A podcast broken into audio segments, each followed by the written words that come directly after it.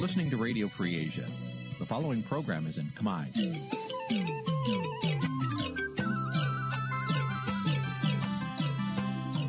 នេះជាកម្មវិធីផ្សាយ Vuthu Azizi Serai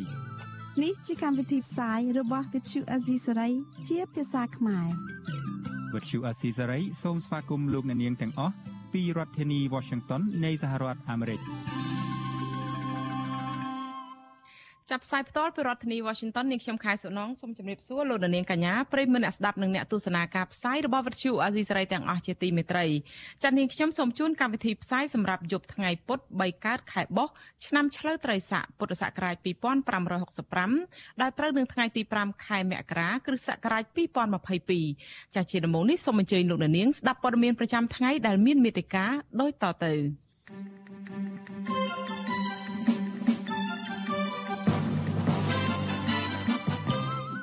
លោកហ៊ុនសែនអួតថាកូនប្រុសច្បងរបស់លោកមានសមត្ថភាពពិសេសលើសគេ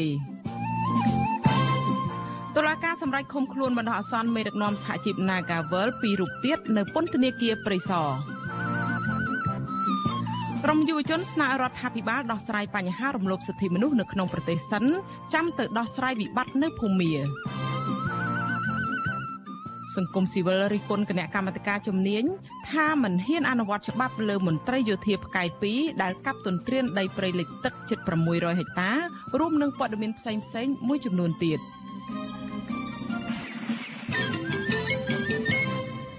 ចាជាបន្តទៅនេះនាងខ្ញុំខែសុណងសូមជូនព័ត៌មានទាំងនេះពិស្ដាចាលោកនាងជាទីមេត្រីមេដឹកនាំរដ្ឋាភិបាលឯកបៈលោកហ៊ុនសែនបន្តលើកសរសើរថាកូនប្រុសច្បងរបស់លោកគឺលោកហ៊ុនម៉ាណែត មានសមត្ថភាពនិងមានចំណេះដឹងខ្ពង់ខ្ពស់ដែលមិនអាចមានអ្នកណាប្រៀបស្មើបានមន្ត្រីជាន់ខ្ពស់គណៈបកសង្គ្រោះជាតិនិងអ្នកតាមដានស្ថានភាពនយោបាយរិះគន់ថាសាររបស់លោកហ៊ុនសែននេះមិនបានផ្ដល់ការគោរពដល់បញ្ញវន្តដទៃទៀតនិងបង្កប់នៅចេតនានយោបាយចាប់ពីរដ្ឋធានី Washington លោកទីនហ្សាការីយ៉ារាយការណ៍អំពីរឿងនេះលោកនាយរដ្ឋមន្ត្រីហ៊ុនសែនកំពុងតែព្យាយាមលើកស្ទួយកូនប្រុសច្បងរបស់លោកគឺលោកហ៊ុនម៉ាណែតឲ្យលើកពីមនុស្សគ្រប់គ្នា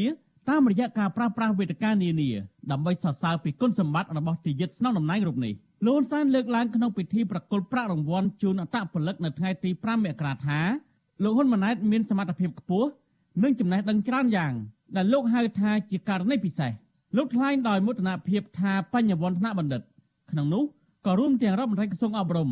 លោកហុងជុននរ៉ុនផងដែរមិនអាចប្រឡងប្រជែងឈ្នះលោកហ៊ុនម៉ាណែតបានឡើយ។ព្រោះកូនប្រុសច្បងរបស់លោករូបនេះចេះជំនាញយោធា ជាពិសេសចេះលុតឆាត់យងឥឡូវនៅទីនេះបណ្ឌិតហងជួននរនចេះលោតឆាត់យងហើយនៅបើមិនតាមចេះលោតឆាត់យងទេប្រឡងអត់ឈ្នះហ៊ុនម៉ាណែតទេចំណុចខុសគ្នាគឺកន្លែងហ្នឹងបានខ្ញុំថាករណីពិសេសបណ្ឌិតមួយនេះគឺថា វារៀនទាំងនយោបាយវារៀនទាំងសេដ្ឋកិច្ចវារៀនទាំងយោធាហើយក្នុងអាផ្នែកយោធារបស់វាវាមានលោតឆាត់យងលោកហ៊ុនសែនបានបញ្ចេញសារលើកសរសើរលោកហ៊ុនម៉ាណែតជាបន្តបន្ទាប់ក្រោយពីទទួលបានជោគជ័យក្នុងការរៀបចំឲ្យកូនប្រុសច្បងរបស់លោករូបនេះក្លាយជាបេក្ខជននាយករដ្ឋមន្ត្រីបន្តវេនពីលោកការសម្រេចជ្រើសតាំងលោកហ៊ុនម៉ាណែតជាបេក្ខជននាយករដ្ឋមន្ត្រីនេះធ្វើឡើងក្នុងសន្និបាតគណៈកម្មាធិការកណ្ដាលគណៈបកប្រជាជនកម្ពុជាកាលពីចុងខែធ្នូឆ្នាំ2021 ទោះជាយ៉ាងណាមន្ត្រីជាន់ខ្ពស់គណៈបកសង្គ្រោះជាតិនិងអ្នកតាមដានស្ថានភាពនយោបាយលើកឡើងថាចំណេះដឹងផ្នែកយោធាមិនមែនជាកត្តាកំណត់ពីសមត្ថភាពដឹកនាំប្រទេសនោះទេអតីតតំណាងរាជគណៈបកសង្គ្រោះជាតិលោកអ៊ុំសំអានថ្លែងថាចំណេះដឹងផ្នែកយោធាឬការចេះលូតឆាត់យងមិនអាចធ្វើឲ្យបុគ្គលម្នាក់មានសមត្ថភាពលើសគេឬអាចដឹកនាំប្រទេសបានល្អនោះឡើយលោកបន្តថាសាររបស់លោកហ៊ុនសែននេះ គឺគ្រាន់តែដើម្បីឲ្យសាធារណជនមើលឃើញមកថាលោកហ៊ុនម៉ាណែត មានលក្ខណៈសម្បត្តិគ្រប់គ្រាន់ដើម្បីស្នងតំណែងពីលោកតែប៉ុណ្ណោះពីព្រោះបរដ្ឋខ្មែរនិងផ្ទៃក្នុងគណៈបកកណ្ដាលអំណាចមួយចំនួនហាក់មិនទាន់ទទួលយកបេក្ខភាពលោកហ៊ុនម៉ាណែតនៅឡើយទេ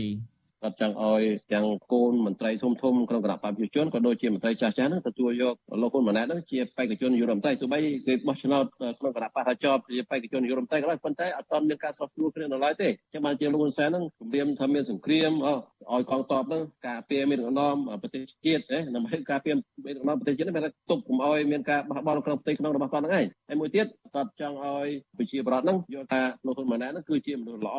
ជាមនុស្សដែលមានសមត្ថភាពចឹងនៅពេលរបស់ឆ្នោតហ្នឹងបោះឆ្នោតឲ្យឲ្យគណៈបព្វជិជនខ្លាចនៅពេលដែលបោះឆ្នោតនោះប្រជាប្រដ្ឋគេអត់ពេញចិត្តបេក្ខភាពលោកហ៊ុនម៉ាណែតគេមិនបោះឆ្នោតឲ្យគណៈបព្វជិជន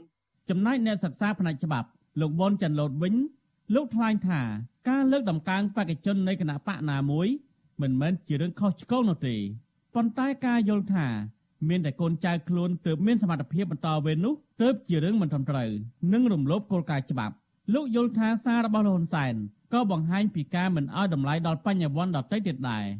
ខណៈដល់ការដឹកនាំជាតិត្រូវការជួយជ្រោមជ្រែងពីអ្នកចេះដឹងគ្រប់វិស័យនោះ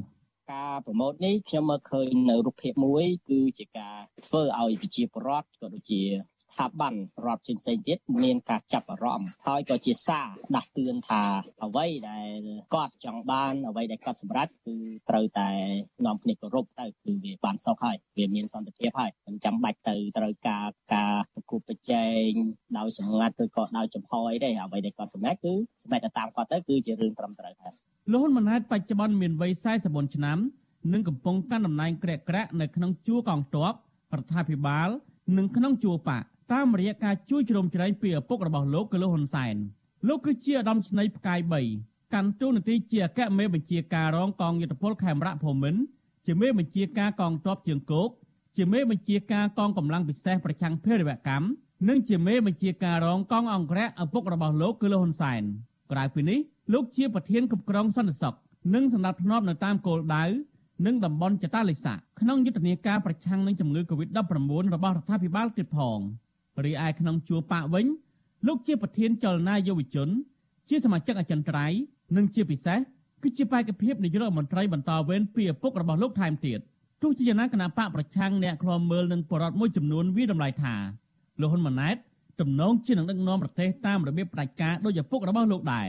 មូលហេតុដែលនាំឲ្យមានការវាតម្លៃបែបនេះ គឺដោយសារតែក្នុងនាមជាអ្នកបញ្ចប់ការសិក្សាពីប្រទេសលោកសេរីនិងកាន់តំណែងកម្ពុជាមួយរូបលោកហ៊ុនម៉ាណែតមិនដែលនិយាយត្រូវរឿងលើកស្ទួយការគោរពសិទ្ធិមនុស្សនិងលទ្ធិប្រជាធិបតេយ្យឡើយផ្ទុយទៅវិញលោកតែងតែបញ្ចេញសារបែបចាប់ប្រកាន់ខ្វះមូលដ្ឋាន លើបរដ្ឋដែលគាំទ្រគណៈបកប្រឆាំងថាជាក្រុមញុំញងបំផ្លាញផលប្រយោជន៍ជាតិនិងជាក្រុមបដិវត្តពណ៌ជាដើមហើយលោកអំពាវនាវដល់កងទ័ពដែលជាកម្លាំងអព្យាក្រឹត ឲ្យបដូរផ្ដាច់ការពីឪពុករបស់លោកទៅវិញខ្ញុំទីនសាការីយ៉ាអសិលសេរីប្រធានីវ៉ាស៊ីនតោន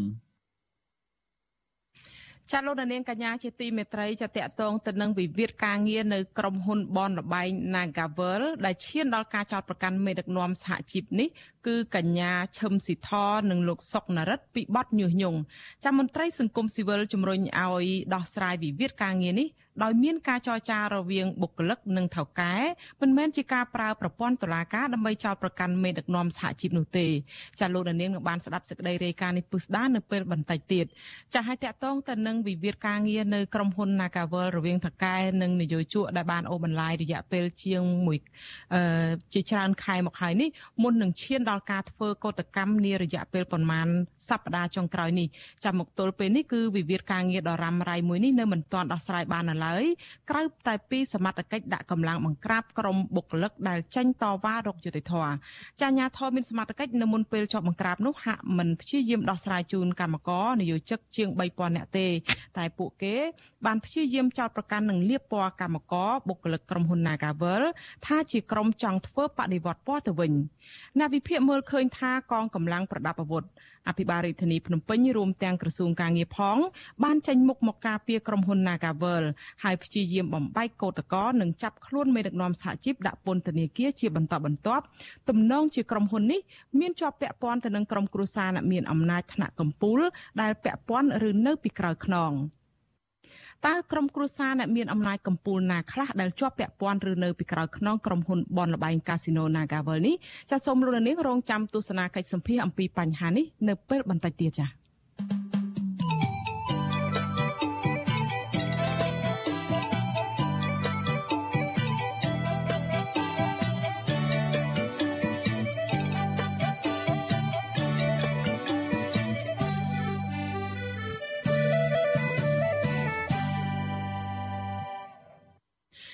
លោកនាងកញ្ញាជាទីមេត្រីរឿងដាច់ដោយឡែកមួយទៀតក្រមយុវជនស្នើឲ្យរដ្ឋាភិបាលលោកហ៊ុនសែនដោះស្រាយបញ្ហារំលោភសិទ្ធិមនុស្សក្នុងប្រទេសជាមុន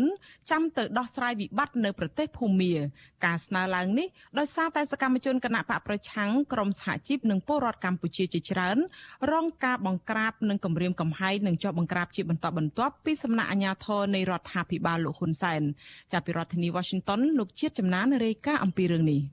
ក្រុមយុវជនដែលជឿឆ្អាលបញ្ហាសង្គមរិះគន់ថាកម្ពុជាកំពុងតែញោមញីទៅដោយការរំលោភសិទ្ធិមនុស្សដូច្នេះរដ្ឋាភិបាលលោកហ៊ុនសែនគួរតែលើកស្ទួយបញ្ហាសិទ្ធិមនុស្សនិងលទ្ធិប្រជាធិបតេយ្យនៅកម្ពុជាឲ្យបានជ្រះស្រឡះសិនចាំទៅជួយដោះស្រាយវិបត្តិនយោបាយនៅប្រទេសភូមាយុវជនតាមដានស្ថានភាពនយោបាយលោកគៀនបុនលោកបានប្រាប់វិទ្យុអេស៊ីសរ៉ៃនៅថ្ងៃទី5ខែមករាថាដំណើរទស្សនកិច្ចទៅប្រទេសភូមារបស់លោកហ៊ុនសែននឹងមិនទទួលបានផ្លែផ្កានោះទេ ព្រោះពលរដ្ឋភូមិកំពុងតែផ្ទុះកំហឹងជាបន្តបន្ទាប់ហើយសមាគមអាស៊ាននិងសហគមន៍អន្តរជាតិក៏បានថ្កោលទោសនិងដាក់ទណ្ឌកម្មទៅលើមេដឹកនាំរបបសឹកភូមិលោកមីនអងលៀងថ្មីថ្មីនេះគឺមានការចាប់ថ្នាក់ដឹកនាំសហជីពនាការវើលហ្នឹងបន្ថែមទៀតដែលធ្វើឲ្យអន្តរជាតិហ្នឹងវារំលាយថាប្រទេសកម្ពុជាកំពុងតែធ្លាក់ចុះការគោរពរបបប្រជាធិបតេយ្យហើយនិងការគោរពទៅលើសិទ្ធិមនុស្ស អញ្ចឹងទោះបីជាគាត់បដិញ្ញាចិត្តយ៉ាងណាក៏ដោយខ្ញុំយល់ថាប្រទេសលោកសេរីធំធំដូចជាសហរដ្ឋអាមេរិកហើយនិងសហភាពអឺរ៉ុបហើយនិងប្រទេសដែលប្រកាន់លទ្ធិប្រជាធិបតេយ្យផ្សេងផ្សេងទៀតដែលដាក់ទណ្ឌកម្មទៅលើប្រទេសភូមាគឺមិនសប្បាយចិត្តព្រឹត្តិកម្មនេះធ្វើឡើងបន្ទាប់ពីលោកនាយករដ្ឋមន្ត្រីហ៊ុនសែនបានប្រកាសជាថ្មីក្នុងពិធីប្រគល់ប្រាក់រង្វាន់ជូនកីឡាករនីនៅថ្ងៃទី5ខែមករាថាលោកនៅតែប្រកាន់ចំហទៅទស្សនកិច្ចប្រទេសភូមាដដែល បើទោះបីជាមានការរិះគន់ពីក្រុមអ្នកមានមតិផ្ទុយក៏ដោយសភាពការនៅម៉ាយ៉ាម៉ាវាមិនសាមញ្ញដូច្នេះយើងក៏ត្រូវតែប្រើវិធានការមិនសាមញ្ញដែរខ្ញុំចង់និយាយចឹងម្សិលមិញខ្ញុំក៏បានប្រាប់ប្រធាននាយកបរិយាដូនីស៊ីអញ្ចឹងបានខ្ញុំត្រូវធ្វើដំណើរទៅផ្ទាល់រួចបន្តពីហ្នឹងទៅគឺបេសកជនពិសេសនឹងបន្តធ្វើការជាមួយគ្នាពិគ្រោះជាមួយគ្នាយ៉ាងម៉េចហើយយ៉ាងម៉េចតែទោះជាយ៉ាងណាលោកហ៊ុនសែនហាក់បន្ទន់អេរយាប័តបន្តិច ជុំវិញបញ្ហាដំណើរទស្សនកិច្ចដ៏ចម្រូងចម្រាសរបស់លោកទៅប្រទេសភូមានេះក្រោយពីរងនឹងការរិះគន់ខ្លាំងពីសហគមន៍ជាតិនិងអន្តរជាតិជាពិសេសពលរដ្ឋភូមាទាំងក្នុងនិងក្រៅប្រទេសដែលស្រឡាញ់លទ្ធិប្រជាធិបតេយ្យលោកបញ្ជាក់ជាថ្មីថាលោកទៅភូមានេះដែលពុំមានដាក់លក្ខខណ្ឌជាមុននិងថាដំណើរទស្សនកិច្ចនេះអាចនឹងមិនចាក់ឆ្ងាយពីកិច្ចព្រមព្រៀងកុងសុងស៊ី5ចំណុចដែលសមាជិកអាស៊ានបានឯកភាពគ្នានៅទីក្រុងសាកាតាប្រទេសឥណ្ឌូនេស៊ីកាលពីខែមេសាឆ្នាំ2021នោះទេ លោកហ៊ុនសែនបង្ហើបថាលោកអាចពន្យាពេលទៅភូមាប្រសិនបើចាំបាច់ដើម្បីស្វែងរកលទ្ធផលផ្លែផ្កាណាមួយក៏ប៉ុន្តែលោកហ៊ុនសែនពុំបានបញ្ជាក់ទេថាលោកនឹងព្យាយាមសុំជួបមេដឹកនាំភូមាស្របច្បាប់ដែលត្រូវរបបសឹកចាប់ខ្លួននិងកាត់ទោសគឺអ្នកស្រីអងសាំងស៊ូជីនោះទេលោកហ៊ុនសែនក៏បានអំពាវនាវកុំឲ្យធ្វើការសន្និដ្ឋានជាមុននៅមុនដំណើរទស្សនកិច្ចនេះក្រសួងការបរទេសកម្ពុជាបញ្ជាក់តាមសេចក្តីប្រកាសព័ត៌មាននៅថ្ងៃទី5ខែមករាថាដំណើរទស្សនកិច្ចថ្ងៃទី7ដល់ថ្ងៃទី8ខែមករានេះ លោកហ៊ុនសែនមានជំនួបទ្វេភាគីជាមួយមេដឹកនាំរដ្ឋបហាភូមិលោកមីនអងលៀងជំនួបនេះនឹងពិភាក្សាផ្លាស់ប្តូរទស្សនៈអំពីកិច្ចសហប្រតិបត្តិការទ្វេភាគីពហុភាគីនិងការវិវត្តថ្មីៗក្នុងតំបន់អាស៊ានកាលពីថ្ងៃទី31ខែធ្នូឆ្នាំ2021មានករណីផ្ទុះគ្រាប់បែកកាយឆ្នៃចំនួន2គ្រាប់នៅក្បែរស្ថានទូតកម្ពុជាប្រចាំប្រទេសភូមាប៉ុន្តែពុំបានបង្កឲ្យខូចខាតឬរបួសស្នាមដល់មន្ត្រីការទូតកម្ពុជានោះទេ ដោយឡែកក្រុមអង្គការសង្គមស៊ីវិលជិត200ស្ថាប័នបានចេញសេចក្តីថ្លែងការណ៍រួមគ្នាកាលពីថ្ងៃទី4ខែមករាថ្កោលទោសលោកនាយករដ្ឋមន្ត្រីហ៊ុនសែនដែលគាំទ្រមេដឹកនាំរដ្ឋបហាភូមាក្រុមអង្គការសង្គមស៊ីវិលទាំងនោះលើកឡើងថាលោកហ៊ុនសែនគាំទ្ររបបសឹកមីយ៉ាន់ម៉ាឬភូមាគឺជាការគាំទ្រក្រតកម្មប្រឆាំងមនុស្សជាតិឧក្រិដ្ឋកម្មសង្គ្រាមនិងអំពើប្រល័យពូជសាសន៍ផងដែរចំណែកឯយុវជនបរិស្ថានលោកលីចន្ទរាវុធយល់ថារដ្ឋាភិបាលកម្ពុជា ត្រូវតែដោះស្រាយបញ្ហាផ្ទៃក្នុងប្រទេសលើកស្ទួយសិទ្ធិមនុស្សអនុញ្ញាតឲ្យមានការចូលរួមបោះឆ្នោតពីបកប្រឆាំងនិងការដោះលែងសកម្មជននយោបាយនិងក្រុមសហជីពជាដើមជាង10ថ្ងៃមុននេះតំណាងសហជីពកញ្ញាឈឹមស៊ីធនិងគឧតកោក្រុមហ៊ុន Nagawal ជាង20នាក់ទៀតត្រូវបានអាជ្ញាធរឃុំខ្លួនបន្ទាប់ពីពួកគេប្រមូលផ្ដុំធ្វើកតកម្មជាបន្តបន្ទាប់ដើម្បីឲ្យក្រុមហ៊ុនរបស់ខ្លួនដោះស្រាយវិវាទការងារ និងទាមទារឲ្យអាជ្ញាធរដោះលែងគឧតកោមួយចំនួនដែលត្រូវអាជ្ញាធរចាប់ខ្លួនកាលពីថ្ងៃទី31ខែធ្នូទោះជាយ៉ាងណាអាជ្ញាធរមិនបានដោះស្រាយបញ្ហានេះទេតែបែរជានាំខ្លួនពួកគាត់ឡើងតុលាការនិងឃុំខ្លួនទៅវិញការទៅជួបមិត្តដឹកនាំយោធាខុសច្បាប់ហ្នឹងវាបង្ហាញពីរូបភាពមិនល្អមួយហើយដូចជាយើងកំពុងតែគ្រប់គ្រងរបបយោធានៅភូមិដែលទម្លាក់មិត្តដឹកនាំស្រុកស្រុកចេញពីតំណែងហ្នឹងហើយជារបបប្រជាកម្មយើងឃើញថាយើងគួរតែពិចារណាឲ្យបានច្បាស់លាស់ចំពោះការទៅធ្វើទស្សនកិច្ចហ្នឹង ស្រដៀងគ្នានេះប្រធានកម្មវិធីផ្នែកស្រាវជ្រាវនិងតស៊ូមតិនៃសមាគមបណ្ដាញយុវជនកម្ពុជាលោកហេងកំហុងយល់ថាបើលោកនាយករដ្ឋមន្ត្រីហ៊ុនសែនពិតជាត្រូវទៅធ្វើទស្សនកិច្ចនៅភូមិដោយខានមិនបានគួរតែរកវិធីយ៉ាងណាធ្វើឲ្យមានការបញ្ចប់អំពើហិង្សានៅភូមិនិងចាំបាច់ត្រូវមានវត្តមានអ្នកស្រីអង្សាងស៊ូជីនៅក្នុងកិច្ចចរចានោះដែលមិនត្រូវជួបតែមេដឹកនាំផ្ដាច់ការលោកមីនអងលៀងប៉ុណ្ណោះទេ សិនជាយើងចង់ដើរទូនីតិក្នុងការសម្របសម្រួលបញ្ចប់ចំនួននយោបាយឬក៏ដោះស្រាយបញ្ហារំលោភសិទ្ធិមនុស្សឲ្យទាល់តែយើងមានចំណុចខ្លាំងទៅលើរឿងនេះគ្រប់គ្រាន់ដែរទើបអាចមានគំរូភាពហើយថាមានទឹកមាត់ប្រៃនៅក្នុងការធ្វើអន្តរកម្មបាទសមាគមអាស៊ានបានសម្រេចមិនអនុញ្ញាតឲ្យមេដឹកនាំរបបសឹកភូមាចូលរួមកិច្ចប្រជុំកម្ពុជារបស់ខ្លួនជាបន្តបន្ទាប់ក្រោយមេដឹកនាំរដ្ឋប្រហារលោកមីនអងលៀងមិនព្រមបញ្ឈប់អំពើហិង្សាបន្ទាប់ពីលោកដឹកនាំធ្វើរដ្ឋប្រហារដណ្ដើមអំណាច ពីគណៈបកឈ្នះឆ្នោតរបស់អ្នកស្រីអង្សាងស៊ូជីកាលពីខែកុម្ភៈឆ្នាំ2021ចាប់តាំងពីខែកុម្ភៈឆ្នាំ2021រហូតដល់ដើមខែមករាឆ្នាំ2022នេះយ៉ាងហោចណាស់មានពលរដ្ឋភូមិមាជាង1300នាក់ក្នុងនោះរួមទាំងកុមារផងត្រូវគេសម្លាប់ក្នុងហេតុការណ៍បង្ក្រាបរបស់ពួកយោធាទៅលើក្រុមអ្នកតវ៉ាប្រឆាំងនឹងរដ្ឋប្រហារហើយមនុស្សប្រមាណ10000នាក់ទៀតត្រូវបានចាប់ខ្លួនអំពើហិង្សាលើពលរដ្ឋភូមិមានេះនាំឲ្យសហគមន៍អន្តរជាតិជាពិសេសសហរដ្ឋអាមេរិក ថ្កោលទោសនឹងដាក់ទណ្ឌកម្មជាបន្តបន្ទាប់ទៅលើមេដឹកនាំរបបសឹកលោកមិនអងលៀងហើយបរិសុទ្ធខ្លាំងនៃប្រទេសភូមារូបនេះក៏កំពុងប្រឈមទៅនឹងបណ្ដឹងពាក់ព័ន្ធនឹងបទអក្រិតកម្មប្រឆាំងមនុស្សជាតិនិងតុលាការព្រហ្មទណ្ឌអន្តរជាតិផងដែរខ្ញុំបាទជាចំណាន Visual Assisray ពីរដ្ឋធានី Washington ចាលោករនាងកញ្ញាជាទីមេត្រីលោករនាងកំពុងស្ដាប់នឹងទស្សនាការផ្សាយរបស់វិទ្យុអាស៊ីសេរីផ្សាយចេញពីរដ្ឋធានី Washington នៃសហរដ្ឋអាមេរិកចាតកតងទៅនឹងវិវាទការងារនៅក្រុមហ៊ុនបនលបែងកាស៊ីណូ Nagavel ឈានដល់ការចោទប្រកាន់មេដឹកនាំសហជីពកញ្ញាឈឹមស៊ីធនិងលោកសុកណារិតពីបទញុះញង់មន្ត្រីសង្គមស៊ីវិលជំរុញឲ្យដោះស្រាយវិវាទការងារនេះដោយការចរចារវាងបុគ្គលិកនិងថៅកែមិនមែនប្រើប្រព័ន្ធតុលាការដើម្បីចោទប្រកាន់មេដឹកនាំសហជីពនោះទេចាសូមអញ្ជើញលោកនាងស្ដាប់សេចក្តីរាយការណ៍របស់លោកសនច័ន្ទរដ្ឋាអំពីរឿងនេះកញ្ញាឈឹមស៊ីធប្រធានសហជីពត្រួតត្រងសិទ្ធិការងារបុគ្គលិកកម្មករខ្មែរនៃក្រុមហ៊ុន Nagavel នៅតំណាងគឧតកោលោកសុននរិទ្ធត្រូវបានសមត្ថកិច្ចបញ្ជូនទៅឃុំខ្លួននៅពន្ធនាគារព្រៃសរនៅល្ងាចថ្ងៃទី5ខែមករានេះក្រោយតុលាការសម្រេចចាប់ប្រកាន់ពួកគេអ្នកគ្រប់គ្រងកម្មវិធីសិទ្ធិការងារនៃអង្គការសង្ត្រាលោកខុនតារ៉ូដែលបានតាមដានដំណើរការរឿងនេះឲ្យដឹងថាកញ្ញាឈឹមស៊ីធនិងលោកសុននរិទ្ធ ត្រូវបានតុលាការចោទប្រកាន់ពីបទញុះញង់តាមមាត្រា494និងមាត្រា495នៃក្រមព្រហ្មទណ្ឌលោកបន្តទៀតថាតុលាការបានដោះលែងលោកសុកខុងគីឲ្យដាក់ស្ថិតក្រោមការឃ្លាំមើលរបស់តុលាការ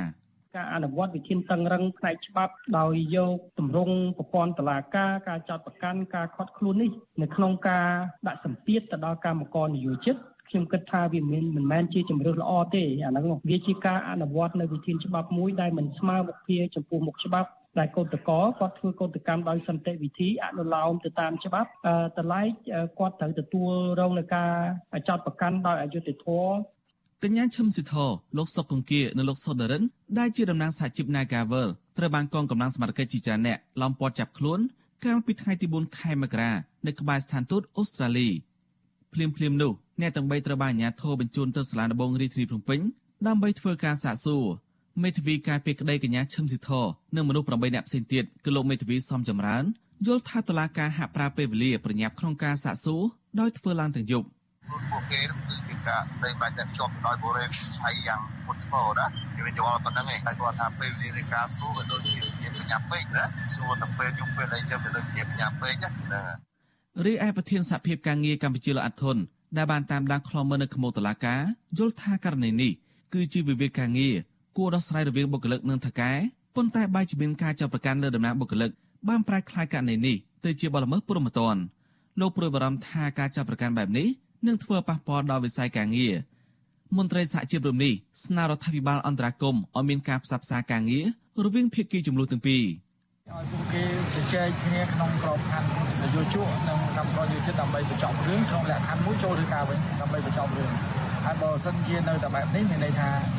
វាបង្កឲ្យរឿងកាន់តែធំកម្មករកាន់តែឈឺចាប់អ្នកដែលគេចាំបានគ្នារងគ្រោះហើយទីបំផុតគឺវាទៅមានចំនួនកម្មករជាមួយអាជ្ញាធរវាលែងជាចំនួនមួយក្រុមហ៊ុនអញ្ចឹងជុំវិញរឿងនេះស្ថានទូតអូស្ត្រាលីប្រចាំកម្ពុជាបានលើកឡើងតាមរយៈបណ្ដាញសង្គម Facebook របស់ខ្លួនថាស្ថានទូតលើកទឹកចិត្តឲ្យភាគីទាំងអស់ត្រឡប់ទៅរកការចរចាវិញដើម្បីស្វែងរកដំណោះស្រាយដល់សន្តិវិធីនិងឆាប់រហ័សស្ថានទូតបានដឹងឮអំពីកតកម្មដែលកំពុងកើតមាន ទាក់ទងនឹងកាស៊ីណូ Nagavel ស្ថានទូតអូស្ត្រាលីបន្តថាប្រជាជនមានសិទ្ធិនៅក្នុងការជួបជុំដោយសន្តិវិធីនិងមានសេរីភាពក្នុងការបញ្ចេញមតិប្រតិកម្មរបស់ស្ថានទូតអូស្ត្រាលីបែបនេះបន្ទាប់ពីស្ថានទូតអាមេរិកថាខ្លួនតាមដានយកចិត្តទុកដាក់ករណីចាប់ខ្លួនកញ្ញាឈឹមស៊ីធនិងគឧតកោផ្សេងទៀត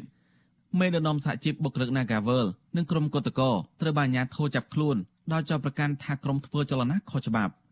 បើទោះបីជាមានការចាប់ខ្លួនតំណាងសហជីពនិងបុគ្គលិកក៏ប៉ុន្តែបុគ្គលិកជាង1000នាក់នៅតែបន្តធ្វើកតកម្មនៅជិតកាស៊ីណូដដែលដើម្បីទាមទារមានដំណោះស្រាយការងារនិងដោះលែងតំណាងពួកគេឲ្យមានសេរីភាពឡើងវិញ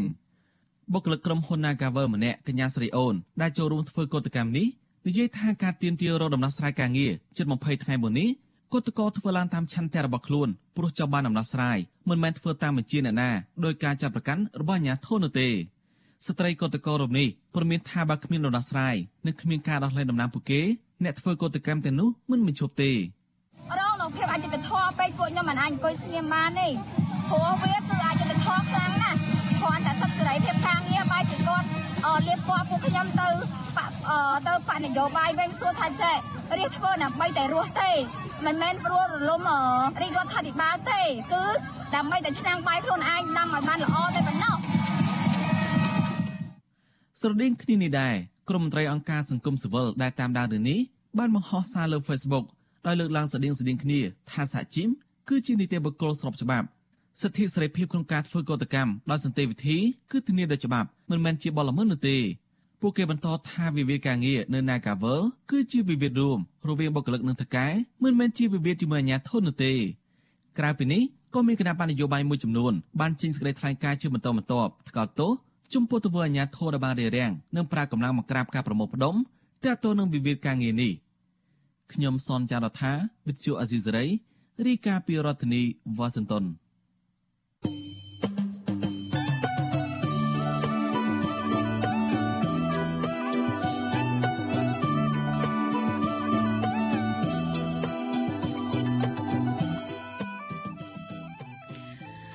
ចាលោកនាងកញ្ញាជាទីមេត្រីចាក្រៅពីលោកនាងទស្សនាការផ្សាយផ្ទាល់លើបណ្ដាញសង្គម Facebook និង YouTube នោះលោកនាងក៏អាចស្ដាប់ការផ្សាយរបស់យើងផ្ទាល់តាម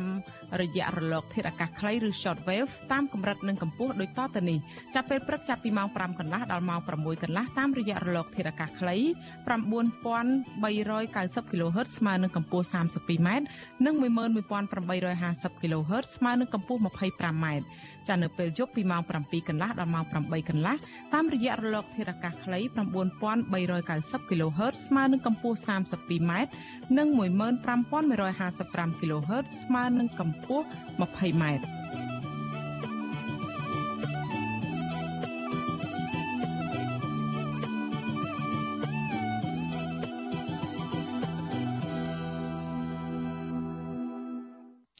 ចាលោកនាងកញ្ញាជាទីមេត្រីចាតកតងទៅនឹងស្ថានភាពរីករាលដាលនៃជំងឺ Covid-19 វិញឥឡូវនេះមេរោគបំផ្លែងថ្មីមួយមុខទៀតបានលេចចេញនៅប្រទេសបារាំងនិងមានឥទ្ធិពលខ្លាំងជាងអូមីក្រុងទៅទៀត តើអង្គការសុខភាពពិភពលោកចាត់វិធានការយ៉ាងណាក្នុងរឿងនេះចុះមេរោគបំផ្លែងថ្មីអូមីក្រុងមានការវិវត្តថ្មីយ៉ាងណាដែរមកដល់ពេលនេះចាសសូមលោកនាងរងចាំស្ដាប់សេចក្តីរាយការណ៍របស់អ្នករាយការណ៍ព័ត៌មានរបស់យើងគឺលោកមុងណារ៉េតដែលនឹងចូលខ្លួនមកបកស្រាយអំពីបញ្ហានេះនៅពេលបន្តិចទៀតនេះចា៎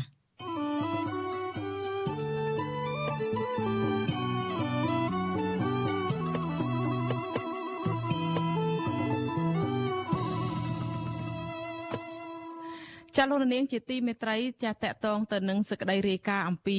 ការបង្ក្រាបបទល្មើសព្រៃលិចទឹកវិញក្រុមអង្គការសង្គមស៊ីវិលខកចិត្តចំពោះទង្វើរបស់គណៈកម្មការអន្តរក្រសួងបង្ក្រាបដីព្រៃលិចទឹកថាមិនបានបំពេញកាតព្វកិច្ចត្រឹមត្រូវនោះទេដោយបានលបដោះលែងមន្ត្រីយោធាពាក់ផ្កាយ2ម្នាក់ដោយស្ងាត់ស្ងាត់ករណីកັບទន្ទ្រានដីព្រៃលិចទឹក600ហិកតានៅក្នុងខេត្តបន្ទាយមានជ័យពួកគេចាត់ទុកទង្វើនេះថាឆ្លោះបញ្ចាំងអំពីការអនុវត្តច្បាប់មិនមិនស្មើភាពគ្នានិងបង្កើតឲ្យមានអយុត្តិធម៌នៅក្នុងសង្គមចាសសូមលោកនាងស្ដាប់សេចក្តីរាយការណ៍របស់អ្នកស្រីម៉ៅសុធីនីអំពីរឿងនេះ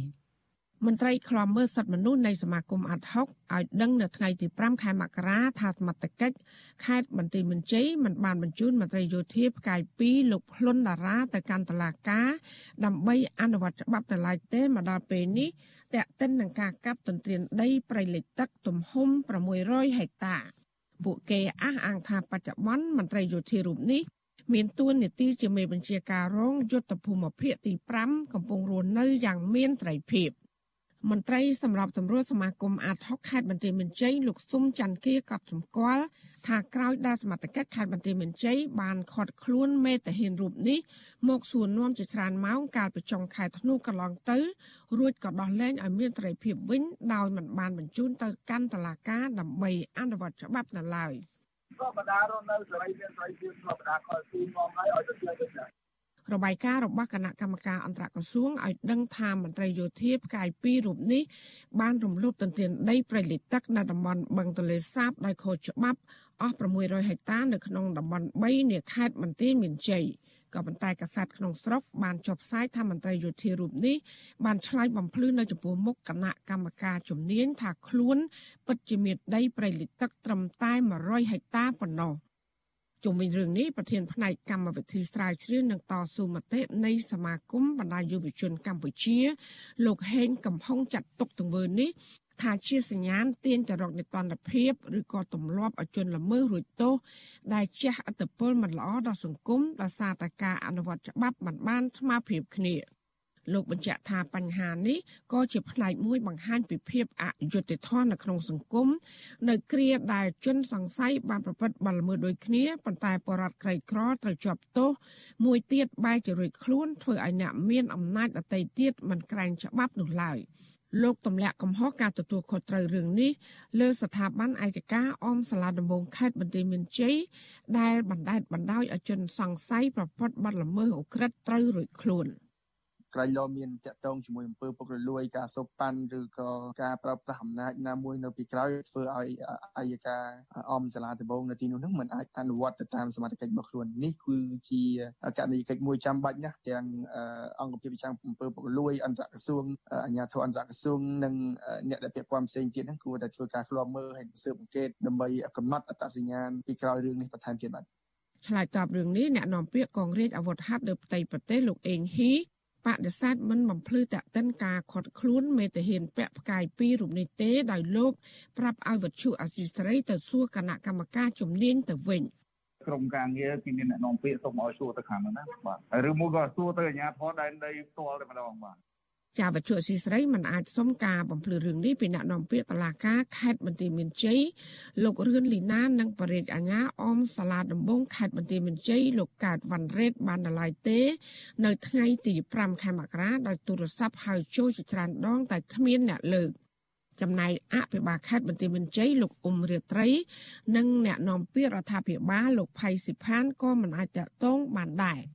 កាលពីដើមខែធ្នូកន្លងទៅលោកនាយករដ្ឋមន្ត្រីហ៊ុនសែនបានថ្លែងជាសាធារណៈស្នើឲ្យមន្ត្រីដែលកាប់ទន្ទ្រានដីព្រៃលិចទឹកខុសច្បាប់ នៅតំបន់បឹងទលេសាបត្រូវប្រញាប់ប្រគល់ជូនរដ្ឋវិញហើយបើពុំដូច្នោះទេនឹងត្រូវចាប់ខ្លួនប៉ុន្តែមន្ត្រីសង្គមស៊ីវិលសង្កេតឃើញថាការលើកឡើងនេះគ្រាន់តែធ្វើឡើងឲ្យល្អមើលប៉ុណ្ណោះខណៈដែលមន្ត្រីយោធាជាន់ខ្ពស់លោកភ្លុនតារាមិនបានប្រកួតដីព្រៃលិចទឹក 600ហិកតាជូនរដ្ឋវិញនោះទេទាល់តែគណៈកម្មការជំនាញរកឃើញជាក់ស្ដែងក៏មិនឃើញថ្នាក់ដឹកនាំរូបនេះអនុវត្តច្បាប់នោះដែរ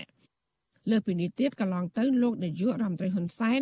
បានចុចចំឈ្មោះអតីតអភិបាលខេត្តកំពង់ឆ្នាំងលោកឈួច័ន្ទឌឿនដែលបច្ចុប្បន្នជាអនុរដ្ឋលេខាធិការក្រសួងមហាផ្ទៃជាប់ពាក់ព័ន្ធការកាប់ទន្ទ្រានដីព្រៃលិចទឹកក្នុងខេត្តកំពង់ឆ្នាំង ទំហំ2000ហិកតាក៏មិនឃើញគណៈកម្មការជំនាញអនុវត្តច្បាប់តម្លៃដែរមកដល់ពេលនេះជុំវិញរឿងនេះមន្ត្រីពង្រឹងសិទ្ធិអំណាចសហគមន៍មូលដ្ឋាននៃសមាគមអាត6លោកប៉ែនវណ្ណាបានហៅទង្វើរបស់គណៈកម្មការជំនាញបែបនេះឆ្លោះបញ្ចាំងថាប័ណ្ណបញ្ជារបស់លោកនាយករដ្ឋមន្ត្រីហ៊ុនសែន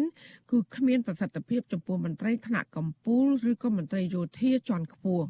លោកសង្ស័យថាការដោះលែងមន្ត្រីយោធារូបនេះអាចជាការខົບខិតគ្នាជាប្រព័ន្ធប្រព្រឹត្តអំពើពុករលួយហេតុនេះលោកទាមទារឲ្យអង្គភាពប្រឆាំងអំពើពុករលួយត្រូវស្រាវជ្រាវនិងស៊ើបអង្កេតរឿងនេះឲ្យបានទូលំទូលាយនិងច្បាស់លាស់អង្គភាពយ៉ាងមើលពុកលួយហ្នឹងត្រូវតែចាប់ពីទៅតាមផ្លូវច្បាប់យើងឃើញថាមានចាត់ការថាពីរនាក់ហើយនៅកំពង់ឆ្នាំងក៏តែជាទូទៅគេតែងទីទៀតថាធ្វើបាបត្រីតូចតូច អញ្ចឹងយើងទៀមទាសូមឲ្យអង្គភាពយ៉ាងពលមួយហ្នឹងហ៊ានចាត់ការហើយបើចាត់ការយើងទៀមទាធ្វើអាធំហ្មងបាទអាណាធំជាងគេធ្វើមុនបាទដើម្បីឲ្យជាគំរូកុំឲ្យប្រជាពលរដ្ឋយើងដែលជាម្ចាស់អំណាចនៅតែនៅតែឃើញថាធ្វើបានណាមន្ត្រីតូចតូចហ្នឹងណាកាលពីពាក់កណ្ដាលខែធ្នូកន្លងទៅប្រធានរាជបណ្ឌិតសភាកម្ពុជាលោកសុកទូចបានថ្លែងជាសាធារណៈថាគ្រាន់តែនៅក្នុងខេត្តកំពង់ធំមួយព្រៃលិចទឹកបានបាត់បង់ជាង100,000ហិកតា ប៉ុន្តែមន្ត្រីជំនាញបានធ្វើរបាយការណ៍តែជាង3000ហិកតាប៉ុណ្ណោះលោកសុកទូចមិនពេញចិត្តចំពោះទង្វើនេះដោយលោកទាមទារឲ្យគ្រប់ភាគីពាក់ព័ន្ធបង្ហាញការពិតជៀសវាងក្មេងចំនួនក្រោយជេរស្ដីចំពោះការធ្វើឲ្យប្រៃលិចទឹកវិនិច្ឆ័យបាត់បង់ទីជម្រកត្រីពងកូន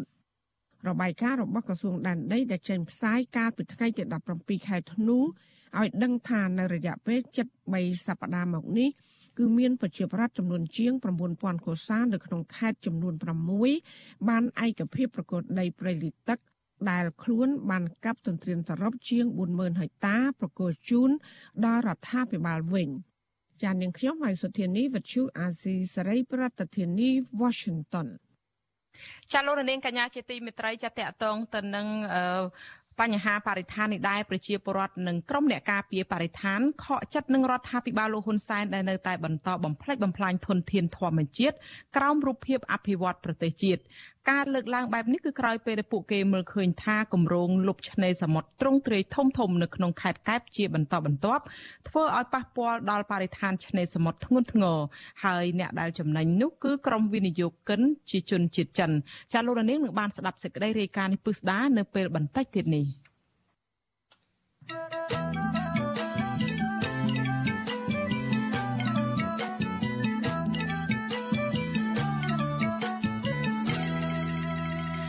ចាលោកនាងកញ្ញាជាទីមេត្រីចាតកតងទៅនឹងបញ្ហាគ្រឿងញៀនវិញសមត្ថកិច្ចប្រឆាំងគ្រឿងញៀននៃស្នងការដ្ឋាននគរបាលរាជធានីភ្នំពេញបញ្ជូនខ្លួនជនសង្ស័យជាជនជាតិវៀតណាមម្នាក់វ័យ25ឆ្នាំពាក់ព័ន្ធទៅនឹងការរក្សាទុកគ្រឿងញៀនជិត200គីឡូក្រាមទៅសាលាដំបងរាជធានីភ្នំពេញកាលពីថ្ងៃទី4ខែមករា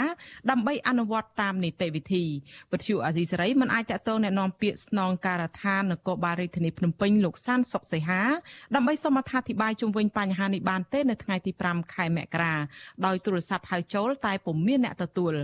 នៅក្នុងខែធ្នូឆ្នាំ2021កន្លងទៅសមត្ថកិច្ចបង្ក្រាបបានករណីជួញដូរគ្រឿងញៀនឆ្លងដែនខុសច្បាប់រាប់រយគីឡូក្រាម និងរកឃើញទីតាំងផលិតគ្រឿងញៀនរាប់ពាន់គីឡូក្រាមនៅឯខេត្តកំពង់ស្ពឺដែលប្រព្រឹត្តដោយជនជាតិចិនចាជុំវិញរឿងនេះប្រធានមជ្ឈមណ្ឌលប្រជាពលរដ្ឋដើម្បីអភិវឌ្ឍនិងសន្តិភាពលោកយងគឹមអេង យល់សង្កេតឃើញថាបទល្មើសគ្រឿងញៀនកំពុងតែកើនឡើងឥតថមថយដែលធ្វើឲ្យកម្ពុជាមានក្តីបារម្ភនិងប្រឈមបញ្ហាអសន្តិសុខសង្គមលោកយល់ឃើញថារដ្ឋាភិបាលត្រូវតែចាត់វិធានការឲ្យបានម៉ឺងម៉ាត់គ្រប់គ្រងជនជាតិចិនឲ្យមានប្រសិទ្ធភាព និងបើកការស៊ើបអង្កេតរកមេខ្លោងនិងមន្ត្រីក្រាក់ក្រាក់ដែលខົບខិតជាមួយក្រុមអ ுக ្រិតជនគ្រឿងញៀនយកមកដាក់ទោសឲ្យបានធ្ងន់ធ្ងរទៅតាមច្បាប់ ក្នុងរយៈពេល9ខែក្នុងឆ្នាំ2021អាជ្ញាធរកម្ពុជា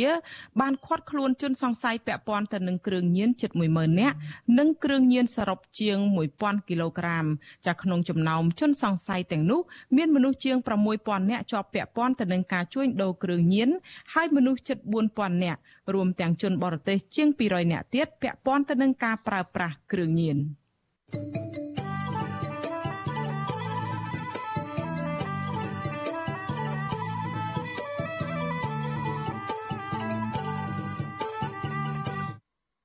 ចាលោករនាងកញ្ញាជាទីមេត្រីចាតកតងទៅនឹងវិវាទការងារនៅក្រុមហ៊ុន Casino NagaWorld រវាងថៅកែនិងនយោជិត បានអូសបន្លាយពេលវេលាជាច្រើនខែមកហើយមុននឹងឈានដល់ការធ្វើកោតកម្មនានារយៈពេលប្រមាណសប្តាហ៍ចុងក្រោយនេះចាំមកទល់ពេលនេះវិវាទការងារដ៏រ៉ាំរ៉ៃមួយនេះនៅមិនទាន់ដោះស្រាយបាននៅឡើយក្រៅតែពីសមត្ថកិច្ចដាក់កម្លាំងបង្ក្រាបក្រុមបុគ្គលិកដែលចេញតវ៉ារកយុត្តិធម៌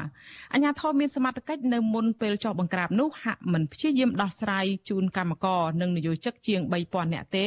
តែពួកគេព្យាយាមចោទប្រកាន់និងលាបពណ៌កម្មករបុគ្គលិកក្រុមហ៊ុន Nagavel ថាជាក្រុមចង់ធ្វើបដិវត្តពណ៌ទៅវិញ។ អ្នកវិភាគមើលឃើញថាកងកម្លាំងប្រដាប់អាវុធអភិបាលរាជធានីភ្នំពេញរួមទាំងក្រសួងការងារផង បានចេញមុខមកការពារក្រុមហ៊ុន Nagaworld ហើយព្យាយាមបំបែកកោតកម្មនិងចាប់ខ្លួនមេដឹកនាំសហជីពដាក់ពន្ធនាគារជាបន្តបន្ទាប់នេះទំនងជាក្រុមហ៊ុននេះមានគ្រួសារអ្នកមានអំណាចថ្នាក់កម្ពុជាជាប់ពាក់ព័ន្ធឬនៅពីក្រោយខ្នង តើក្រុមគ្រួសារអ្នកមានអំណាចកម្ពុជាណាខ្លះដែលពាក់ព័ន្ធឬនៅពីក្រោយខ្នងក្រុមហ៊ុនបនលបែងកាស៊ីណូ Nagavel នេះចាសសូមលោកនាងរងចាំទស្សនាកិច្ចសម្ភាសមួយរបស់លោកសេងមនិតដែលនឹងសម្ភាសអំពីបញ្ហានេះនៅពេលបន្តិចទៀតនេះចា៎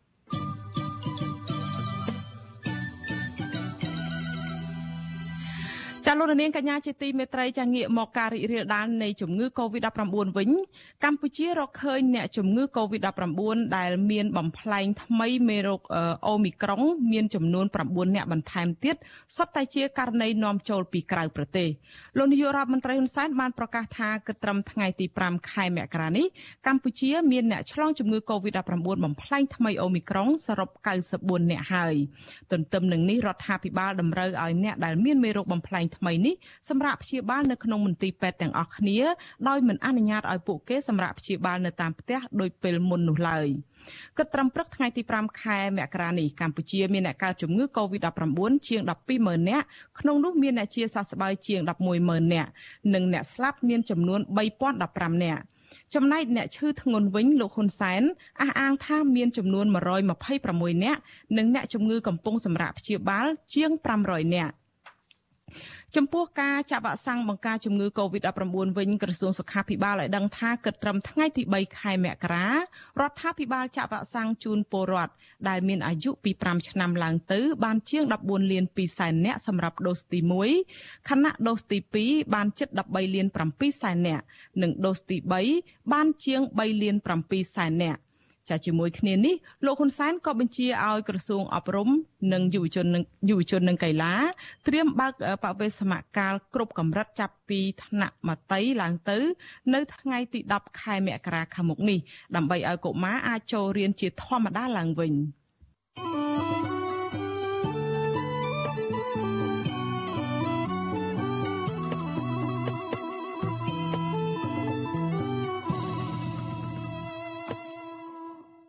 ចាលោកនាងកញ្ញាជាទីមេត្រីលោកនាងកំពុងស្ដាប់នឹងទស្សនាការផ្សាយរបស់វិទ្យុអាស៊ីសេរីផ្សាយចេញពីរដ្ឋធានី Washington នៃសហរដ្ឋអាមេរិកចាតកតងទៅនឹងស្ថានភាពនៃការរីករាលដាលនៃជំងឺ Covid-19 នេះដែរឥឡូវនេះមេរោគបំផ្លែងថ្មីមួយមុខទៀតបានលេចចេញនៅប្រទេសបារាំងនិងមានឥទ្ធិពលខ្លាំងជាងអូមីក្រុងទៅទៀត តើអង្គការសុខភាពពិភពលោកចាត់វិធានការយ៉ាងណានៅក្នុងរឿងនេះចុះមេរោគបំផ្លែងថ្មីអូមីក្រុងមានការវិវត្តថ្មីយ៉ាងណាដែរមកដល់ពេលនេះចាឥឡូវនេះយើងមានអ្នករាយការណ៍ព័ត៌មានរបស់យើងមួយរូបគឺលោកមួងណារ៉េតដែលលោកចូលខ្លួនមកបកស្រាយអំពីបញ្ហានេះចាសូមជំរាបសួរលោកណារ៉េតចាបាទសូមជម្រាបសួរអ្នកស្រីខៃសណងហើយសូមជម្រាបសួរលោកនាងទាំងអស់ដែលកំពុងតាមដានទស្សនានិងស្ដាប់ការផ្សាយរបស់វិទ្យុអស៊ីសេរីជាទីមេត្រីបាទ ចាលោកណារ៉េតអាចជម្រាបជូនលោកនាងបន្តិចទៅឥឡូវនេះខ្ញុំឮដំណឹងលោកណារ៉េតបានប្រាប់មកថាបញ្ហាជំងឺមេរោគបំផ្លែងថ្មីអូមីក្រុងនឹងមិនទាន់ស្រាក់ស្រានផងឥឡូវចេញមេរោគថ្មីមួយទៀតមកតើរឿងនេះយ៉ាងម៉េចទៅវិញលោកណារ៉េតចាបាទអរគុណយើងពិភពលោកយើងកំពុងតែប្រយុទ្ធប្រឆាំងអូមីក្រុងអូមីក្រុងឆ្លងពីវាពីកាលជំនាញពិភពលោកទៅហើយ មិនទាន់មានអ្វីដែលអាចនឹងទប់ទល់អូមីក្រុងឲ្យបានប៉កែផងឥឡូវស្រាប់តែលេចចេញមេរោគថ្មីបំផ្លែងថ្មីមួយទៀតដែលរកឃើញនៅប្រទេសបារាំងក្រុមអ្នកស្រាវជ្រាវនៅប្រទេសបារាំងរកឃើញមេរោគថ្មីនេះហើយដាក់ឈ្មោះថាជាភាសាបារាំងថា EHOI ភាសាអង់គ្លេសថា IHU ដោយសារតែគេរកឃើញអ្នកផ្ទុកជំងឺនេះ12នាក់នៅឯទីក្រុងមួយ នៅភូមិខាងត្បូងនៃប្រទេសបារាំងកាលពីប្រហែលថ្ងៃមុននេះក៏ប៉ុន្តែនៅពេលករណីមួយដែលក្នុងចំណោមអ្នកទាំង12នេះគេរកឃើញដាននៃប្រវត្តិធ្វើដំណើរពីប្រទេសកាមេរូននៅឯអាហ្វ្រិកខាងលិចឯណោះកាលមុនយើងផ្អើលអូមីក្រុងពីអាហ្វ្រិកខាងត្បូងឥឡូវផ្អើលរឿងនេះថាអាចមានដានពីអាហ្វ្រិកខាងលិចឯណោះដោយសារតែគេរកឃើញនៅក្នុងអ្នកជំងឺមួយក្នុងចំណោម12អ្នកនេះហើយការដែលរកឃើញ មេរោគ IHU បំផ្លាញថ្មីនេះបើតាមអ្វីដែលអ្នកសិក្សាស្រាវជ្រាវបញ្ជាក់នោះគឺមានឥទ្ធិពលអាចឆ្លងលឿនហើយកម្រិតលឿននឹងគឺយើងរហូតតតែវ៉ាក់សាំងមិនអាចទប់ទល់បានទេបាទចាលោកណារ៉េតបើអញ្ចឹងទេ ខាងអង្គការសុខភាពពិភពលោក WHO គេថាយ៉ាងម៉េចទៅវិញទៅចា បាទនៅពេលដែលមានមេរោគបំផ្លាញថ្មីអ្វីលេចឡើងភ្លាមគឺខាងអង្គការសុខភាពពិភពលោកចាប់ផ្ដើមចេញសេចក្តីប្រកាសព័ត៌មានអីភ្លាមចឹងដែរតកតងនឹងរឿងមេរោគ IHU នេះគឺខាងមន្ត្រីអង្គការសុខភាពពិភពលោកគេថាវាកំពុងតែស្ថិតនៅក្នុងរ៉ាដារបស់អង្គការសុខភាពពិភពលោក បានន័យថាគេចាប់ គេឃើញវាហើយអឺឃើញដឹងឮចឹងដូចគ្នាហើយក៏បានលើកឡើងថាវាមានឥទ្ធិពលឆ្លងលឿនខ្លាំងជាងអូមីក្រុងអីចឹងក៏ប៉ុន្តែអង្គការនេះគឺនៅមិនទាន់ចាត់ថ្នាក់មេរោគនេះយ៉ាងណានៅឡើយទេឃើញដឹងឬប៉ុន្តែមិនចាត់ហ្នឹងបានន័យថាមិនដាក់ចំណាត់ថ្នាក់ថាជាមេរោគគួរឲ្យចាប់អារម្មណ៍មេរោគគួរឲ្យព្រួយបារម្ភឬក៏មេរោគដែលកំពុងតែរីករាលដាលរាតត្បាតនោះឡើយបាទ មានន័យថាយ៉ាងម៉េចទៅលោកណារ៉េតมันយកចិត្តទុកដាក់ឬក៏ចង់ថាយ៉ាងម៉េចវាមានន័យយ៉ាងម៉េចចានៅក្នុងន័យនេះគឺអាចថាអង្គការសុខភាពពិភពលោក នៅពេលដែលបើសិនជាមានការប្រយ័ត្នប្រយែងវាឆ្លងខ្លាំងវាគួរឲ្យព្រួយបារម្ភ វាត្រូវតែតាមដានអីចឹងលំអិតអីចឹងត្រូវតែចេញសេចក្តីប្រកាសនៅក្នុងបញ្ជីរបស់អង្គការសុខភាពពិភពលោកគឺនឹងមានឈ្មោះមេរោគទាំងអស់ហ្នឹងប៉ុន្តែអត់មានមេរោគ IHU នេះទេចឹងបានន័យថាវាគ្រាន់តែជាមេរោគមួយដែលស្ថិតនៅក្នុងការស៊ើបអង្កេតហើយអាចអង្គការសុខភាពពិភពលោកមិនទាន់ចាត់ទុកថាជាការគួរឲ្យព្រួយបារម្ភខ្លាំងដែលត្រូវឆេឆ្លាឬក៏ចលាចលអីនោះទេបាទចា មួយវិញទៀតលោកណារ៉េតចោះឥឡូវយើងងាកមករឿងរឿងអូមីក្រុងនឹងវិញឥឡូវដែលក្នុងស្ថានភាពយើងដឹងហើយមានការប្រកាសពីលោកនាយករដ្ឋមន្ត្រីហ៊ុនសែនអីមានអ្នកឈឺនឹងអីចឹងហោហែអីចឹងហើយក៏ភាកច្រើននឹងអ្នកនាំចូលនឹងយើងរកឃើញជារៀងរាល់ថ្ងៃថាមានឆ្លងមេរោគបំផ្លាញថ្មីអូមីក្រុងនឹងជាប្រភេទសិតតអ្នកនាំចូលអីចឹងចូលមកកាន់ប្រទេសកម្ពុជាអញ្ចឹងជាដើមចាឥឡូវមានការវិវត្តថ្មីអីផ្សេងទៀតទេលើបញ្ហាការរីករាលដាលមេរោគអូមីក្រុងនៅប្រទេសកម្ពុជានឹងចាអរគុណអ្នកស្រីខែសំណងយើងឃើញថាការវិវត្តថ្មីរបស់ស្ថានភាពមេរោគអូមីក្រុងនេះគឺវិវត្តនេះគឺតកតនឹងការសិក្សាស្រាវជ្រាវដើម្បីធ្វើយ៉ាងម៉េចយក ឈ្នះលើលើមេរោគនេះឲ្យបានព្រោះវាឆ្លងឆ្លងសម្បើមមែនតើដូចនៅអាមេរិកអីនៅក្នុងថ្ងៃ3មករាកន្លងទៅឆ្លងដល់ទៅជាង1លានអ្នកឯណោះនៅក្នុងមួយថ្ងៃអញ្ចឹងករណីនេះគឺវាវាសម្បើមពេកទៅហើយការសិក្សាថ្មីរបស់ខាងវិទ្យាសាស្ត្រនៅខាងសាលា Harvard វិទ្យាសាស្ត្រហ្នឹងគឺគេរកឃើញវាក់សាំងពីរមុខដែលតាមរយៈការសិក្សាប្រមាណសប្តាហ៍ចុងក្រោយនេះមានលទ្ធផលជាក់ស្ដែងដែលបង្ហាញថាវាក់សាំងទាំងពីរមុខនេះអាចមានប្រសិទ្ធភាពខ្ពស់នៅក្នុងការទប់ទល់អូមីក្រុងវ៉ាក់សាំងទាំងពីរមុខនោះគឺ Pfizer BioNTech របស់ក្រុមហ៊ុនអាមេរិកនិងអាល្លឺម៉ង់និងវ៉ាក់សាំងមួយទៀតគឺឈ្មោះថា Johnson Johnson ដែលមានការសិក្សាស្រាវជ្រាវប៉ុន្តែពាក្យថាទប់ទល់អូមីក្រុងនេះមិនមែនបានន័យថាទប់មិនឲ្យឆ្លងទេគឺវ៉ាក់សាំងនេះគឺទប់ទល់កុំឲ្យអ្នកជំងឺឈឺធ្ងន់ឬក៏ត្រូវសម្រាកនៅមន្ទីរពេទ្យឬក៏ស្លាប់អីអញ្ចឹងប៉ុន្តែក៏គេបានរកឃើញទៀតថាដូសទាំងពីរដែលចាក់ពីមុនមក ហើយនឹងដូសមួយដូសរបស់ Johnson Johnson ដែលចាក់តែមួយដូសហ្នឹងអឺវាសាបហើយវាត្រូវតែចាក់ដូសជំរុញទើបអាចប្រយុទ្ធប្រឆាំងនឹងអូមីក្រុងនេះបានបាទចាមួយវិញទៀតលោកណារ៉េតលើកឡើងអំពីបញ្ហាហ្នឹងហើយចុះឥឡូវនៅស្រុកយើងនៅប្រទេសកម្ពុជាហ្នឹងរឿងវាក់សាំងហ្នឹងតើយើងមានវាក់សាំងល្អអីខ្លះទេតើរដ្ឋាភិបាលមានការគិតគូរយ៉ាងម៉េចចំពោះបញ្ហាហ្នឹងចាយើងមានភ័ព្វវាសនាដែរដោយសារតែវាក់សាំងល្អប្រភេទ Pfizer BioNTech នៅពេលនេះមាននៅក្នុងដៃរដ្ឋាភិបាលកម្ពុជាហើយដោយសារតែរដ្ឋាភិបាលអូស្ត្រាលីកាលពីចុងឆ្នាំ2021បានបរិច្ចាគវ៉ាក់សាំងជាង2លានដូសដែលជាប្រភេទ Pfizer BioNTech ហ្នឹងទៅឲ្យរដ្ឋាភិបាលកម្ពុជាក្រៅពីនោះរដ្ឋាភិបាលកម្ពុជាមានតែវ៉ាក់សាំងចិននិងវ៉ាក់សាំងជំនួយផ្សេងទៀតដែលមាន Johnson អីខ្លះនោះប្រហែលជាប្រើអស់ទៅហើយអញ្ចឹងនៅក្នុងន័យនេះអាចថាជាភ័ព្វសំណាងសម្រាប់ប្រជាពលរដ្ឋខ្មែរដែរដែលកំពុងតែប្រយុទ្ធប្រឆាំងអូមីក្រុង មានវ៉ាក់សាំងល្អរបស់ Pfizer BioNTech ដែលអូស្ត្រាលីឲ្យនេះអញ្ចឹង ឆ្លៀតឱកាសហ្នឹងយើងឃើញព្រឹកមិញលោកនាយរដ្ឋមន្ត្រីហ៊ុនសែនហ្នឹងក៏បានឆ្លៀតឱកាសហ្នឹងថាវ៉ាក់សាំងដែលទៅបានមកថ្មីពីអូស្ត្រាលីរបស់ Pfizer ហ្នឹងគឺនឹងយកទៅចាក់អតិភិបឲ្យខាងក្រមមន្ត្រីជួរមុខឬក៏អ្នកនៅជួរមុខអញ្ចឹង2លានដូសជាងហ្នឹងវាអាចចាក់គ្រប់ដល់មន្ត្រីទាំងអស់ដែលនៅជួរមុខហ្នឹងមានទាំងនគរបាលកងរាជអាវុធហត្ថកងទ័ពគ្រូពេទ្យមន្ត្រីរាជការសិល្បករសិល្បករនីដោយនឹងអ្នកសារព័ត៌មានអីផងអាចចាក់វ៉ាក់សាំង Pfizer ហ្នឹងព្រោះយើងសរុបទៅអ្នកដែលនៅជួរមុខហ្នឹងមានតែ7សែននាក់ឯងអញ្ចឹងបើចាក់ Pfizer 2លានជាងវានៅសល់1លានជាងទៀតហ្នឹងសម្រាប់ចាក់អ្នកដទៃទៀតដែរអញ្ចឹងនេះគឺជារឿងដែលអឺគួរឲ្យដីថាចាប់អារម្មណ៍ដែរសម្រាប់ប្រជាពលរដ្ឋខ្មែរដែលអាចនឹងមានភពវិស្នាបានវ៉ាក់សាំងទំនើបនឹងល្អនោះបាទ ចាលោកណារ៉េតដល់និយាយអំពីរឿងវ៉ាក់សាំងហ្នឹងខ្ញុំនឹកឃើញការសន្យារបស់លោកនាយករដ្ឋមន្ត្រីសែនដែលបានលើកឡើងថា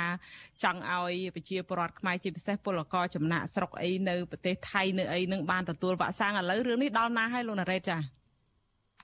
នេះគឺជាសំណួរដ៏ល្អណាស់ហើយយើងដឹងហើយលោកនាយរដ្ឋមន្ត្រីហ៊ុនសែនកាលពីដើមខែវិច្ឆិកាគឺថ្ងៃ3ដើមខែវិច្ឆិកាហ្នឹងគឺសន្យាយ៉ាងច្បាស់លាស់ជាអលរិកនៅលើកញ្ចក់ទូរទស្សន៍ហ្នឹងថានឹងសហការជាមួយនឹងរដ្ឋាភិបាលថៃយកវ៉ាក់សាំងយកទៅចាក់ឲ្យប្រជាពលករខ្មែរនៅប្រទេសថៃដោយសារតែវ៉ាក់សាំងនៅកម្ពុជាហ្នឹងគឺមិនមែនត្រឹមតែគ្រប់គ្រាន់ទេគឺរដ្ឋាភិបាលទិញរហូតដល់ទៅលើសទៅទៀតទិញវ៉ាក់សាំងចិនហ្នឹងលើសរហូតដល់ចែកជូនដល់វៀតណាមចែកជូនដល់ឡាវហ្នឹងគឺយើងបេះដូងយើងនឹងទៅលាយដល់ប៉ុណ្ណឹងប៉ុន្តែរហូតមកដល់ពេលនេះយើងគិតមើលពីថ្ងៃទី3ខែវិច្ឆិការហូតដល់ថ្ងៃទី3ទីថ្ងៃនេះគឺថ្ងៃទី5ខែមករាទៅហើយជាង2ខែហើយដំណឹងនៃការដែលបានវាក់សាំងទៅចាក់ដល់ប្រជាពលករខ្មែរនឹងគឺសូនឈឹង សូនឈឹងនេះគឺទៅពេលដែលយើងតាក់ទងទៅមន្ត្រីនៅក្រសួងការបរទេសលោកតែងតែឆ្លើយថាមិនមានព័ត៌មានទេមិនមានព័ត៌មានទេអញ្ចឹងបានន័យថាការសន្យារបស់លោកនាយករដ្ឋមន្ត្រីហ៊ុនសែននេះគឺជាការសន្យាចោលទេព្រោះអត់មានចំណាត់ការច្បាស់លាស់ជាក់លាក់នៅក្នុងរឿងនេះសូម្បីតែមន្ត្រីរបស់លោកក៏មិនអាចឆ្លើយព័ត៌មាននឹងបានដែរប៉ុន្តែថ្ងៃនេះខ្ញុំសួរលោកកុយគួងដែលជាអ្នកនាំពាក្យរបស់ក្រសួងការបរទេសលោកបានឆ្លើយត្រឹមថាលោកមិនមានព័ត៌មានអ្វីលើសនឹងទេគ្រាន់តែដឹងថាពលករនៅប្រទេសថៃបានទទួលវ៉ាក់សាំងជាបដាបដាហើយពីអាជ្ញាធរថៃមិនមែនពីអាជ្ញាធរកម្ពុជាទេអញ្ចឹងបានន័យថាការសន្យារបស់លោកហ៊ុនសែនដែលថាយកវ៉ាក់សាំងរបស់កម្ពុជាដែលបានទិញមកនឹងយុទ្ធចាក់ឲ្យ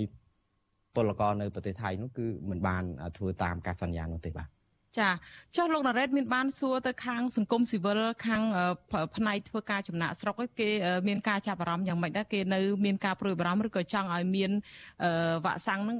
បានទៅដល់ពលរដ្ឋខ្មែរដែលជាពលករចំណាក់ស្រុកនៅប្រទេសថៃដែរទេក្នុងដំណាក់កាលនេះចា៎ អរគុណតាមពិតទៅមន្ត្រីអង្គការសង្គមស៊ីវិលនិងពលករនៅប្រទេសថៃនឹងតែងតែអំពាវនាវស្នើសុំឲ្យមានវ៉ាក់សាំងនឹងពីពីការជួយរបស់រដ្ឋាភិបាលកម្ពុជាដែរដោយសារអីខាងអាជ្ញាធរថៃគេគិតប្រជាពលរដ្ឋគេជាតិចម្បងមកដល់ពេលនេះថៃចាក់វ៉ាក់សាំងឲ្យប្រជាពលរដ្ឋខ្លួនឯងទៅបានជាង60%ជាងទេដូច្នេះគេគិតតែប្ររឿងប្រជាពលរដ្ឋហើយឥឡូវអូមីក្រុងចូលទៅប្រទេសថៃហ្នឹងក៏វាសម្បើមទៀតរហូតដល់បិទសាលាបិទអីហើយមន្ត្រីរាជការត្រូវធ្វើការពីផ្ទះគោលការណ៍ចតាលេខសាក់របស់ថៃដែលថាបើក free ចូលមកមិនបាច់ធ្វើចតាលេខសាក់ឥឡូវគេចាប់ផ្ដើមហាមឲ្យចូលមកត្រូវតែធ្វើចតាលេខសាក់ឲ្យលើកបំរាអដូចថាអ្នកដែលចូលមកពីក្រៅអីហ្នឹងគឺត្រូវតែប្រយ័ត្នប្រយែងខ្ពស់អីអញ្ចឹងគឺលើករហូតដល់ទៅខែចុងខែមករានេះទៀតគឺតម្រូវឲ្យធ្វើចតាលេខសាក់ដូច្នេះការដែលហានិភ័យរបស់កម្មករពលករនៅតែមានដដែលទេហើយវ៉ាក់សាំងនេះក៏នៅតែមិនបានគ្រប់គ្រាន់ទៅដល់ពួកគាត់ប្រហែលជា2លានអ្នកនៅប្រទេសថៃនោះបាទ ចាលោកណារ៉េតក្រៅពីការវិវត្តថ្មីនៃមេរោគបំផ្លែងថ្មីអូមីក្រុងហើយនឹងមេរោគថ្មីលោតចេញមកដែលដឹងពីប្រទេសបារាំងអីហ្នឹងតើលោកមានសារអ្វីចុងក្រោយតាក់ទងទៅនឹងស្ថានភាពនៃការរីករាលដាលជំងឺ Covid-19 នេះសូមអញ្ជើញចា អរគុណអ្នកស្រីខែសំណនតាមពិតទៅយើងទាំងអស់គ្នាគ្រាន់តែ យើងដឹងថាការដែលប្រយុទ្ធប្រឆាំងជំងឺ Covid-19 នេះគឺមិនទាន់ចប់ទេ នៅមានពេលវេលាច្រើនទៀតដោយសារអីប្រទេសកម្ពុជា យើងបើកចំហជើងមេឃអីយ៉ាងណាក៏ប៉ុន្តែអូមីក្រយើងឃើញថាភ្ញៀវមិនអាចនឹងធ្វើដំណើរមកបានចូលប្រទេសកម្ពុជាដោយសារតែរឿងអូមីក្រុងឥឡូវមកចេញ IHU នឹងទៀតវិធីដែលសំខាន់បំផុតសម្រាប់ប្រជាពលរដ្ឋនៅប្រទេសកម្ពុជាដូចនៅលើពិភពលោកដែរហ្នឹងគឺមានតែខំប្រឹងតែពាក់ម៉ាស់ការពារខ្លួនដោយអ្វីដែលអង្គការសុខភាពពិភពលោកបានណែនាំហើយកុំប្រហែសឲ្យសោះដោយសារតែយើងនៅឆ្ងាយពីការដែលជំនះនៅមេរោគ COVID-19 នឹងបានណាស់នៅសាលពេលយូរទៀតបាទ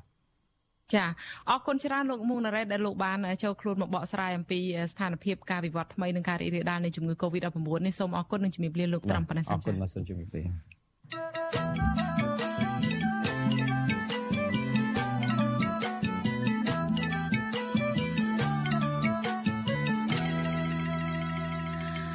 ចចាលោកនាងកញ្ញាជាទីមេត្រីចាតកតងទៅនឹងវិវាទការងារនៅក្រុមហ៊ុន Casino Nagavel រវាងថៅកែនិងនយោជិកបានអូសបន្លាយពេលវេលាជាច្រើនខែមកហើយមុននឹងឈានដល់ការធ្វើកោតកម្មរយៈពេលនារយៈពេលប្រមាណសប្តាហ៍ចុងក្រោយនេះចាមកទល់ពេលនេះវិវាទការងារដ៏រ៉ាំរ៉ៃមួយនេះនៅមិនទាន់ដោះស្រាយបាននៅឡើយក្រៅពីសមត្ថកិច្ចដាក់កម្លាំងបង្ក្រាបបុគ្គលិកដែលចេញតវ៉ារកយុត្តិធម៌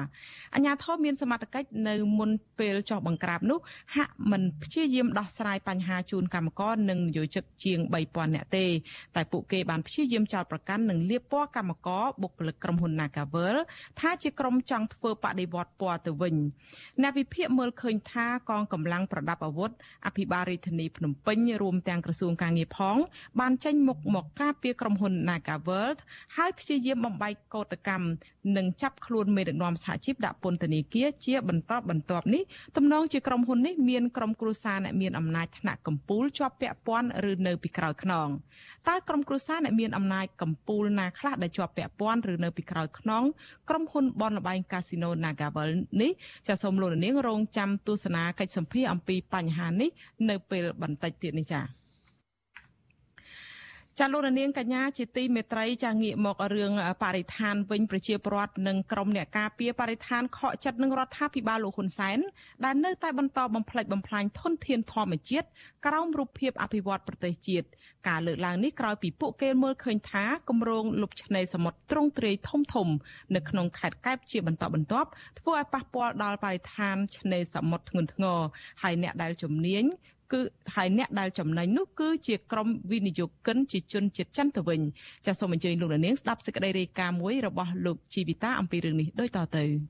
ប្រតិកម្មរបស់ប្រជាពលរដ្ឋនិងសកម្មជនបរិស្ថាននេះកើតឡើងបន្ទាប់ពីរដ្ឋបាលខេត្តកែបកំពុងអនុវត្តគម្រោងអភិវឌ្ឍលុបឆ្នេរសមុទ្រជិត3000ម៉ែត្រការ៉េបន្ថែមទៀត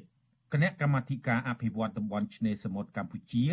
បានរៀបចំអនុវត្តគម្រោងកែលម្អឆ្នេរសមុទ្រថ្មីមួយទៀត ដោយចាក់ដីលុបឆ្នេរសមុទ្រពីចំណុចផ្សារក្តាមទៅដល់ព្រៃកោងកាង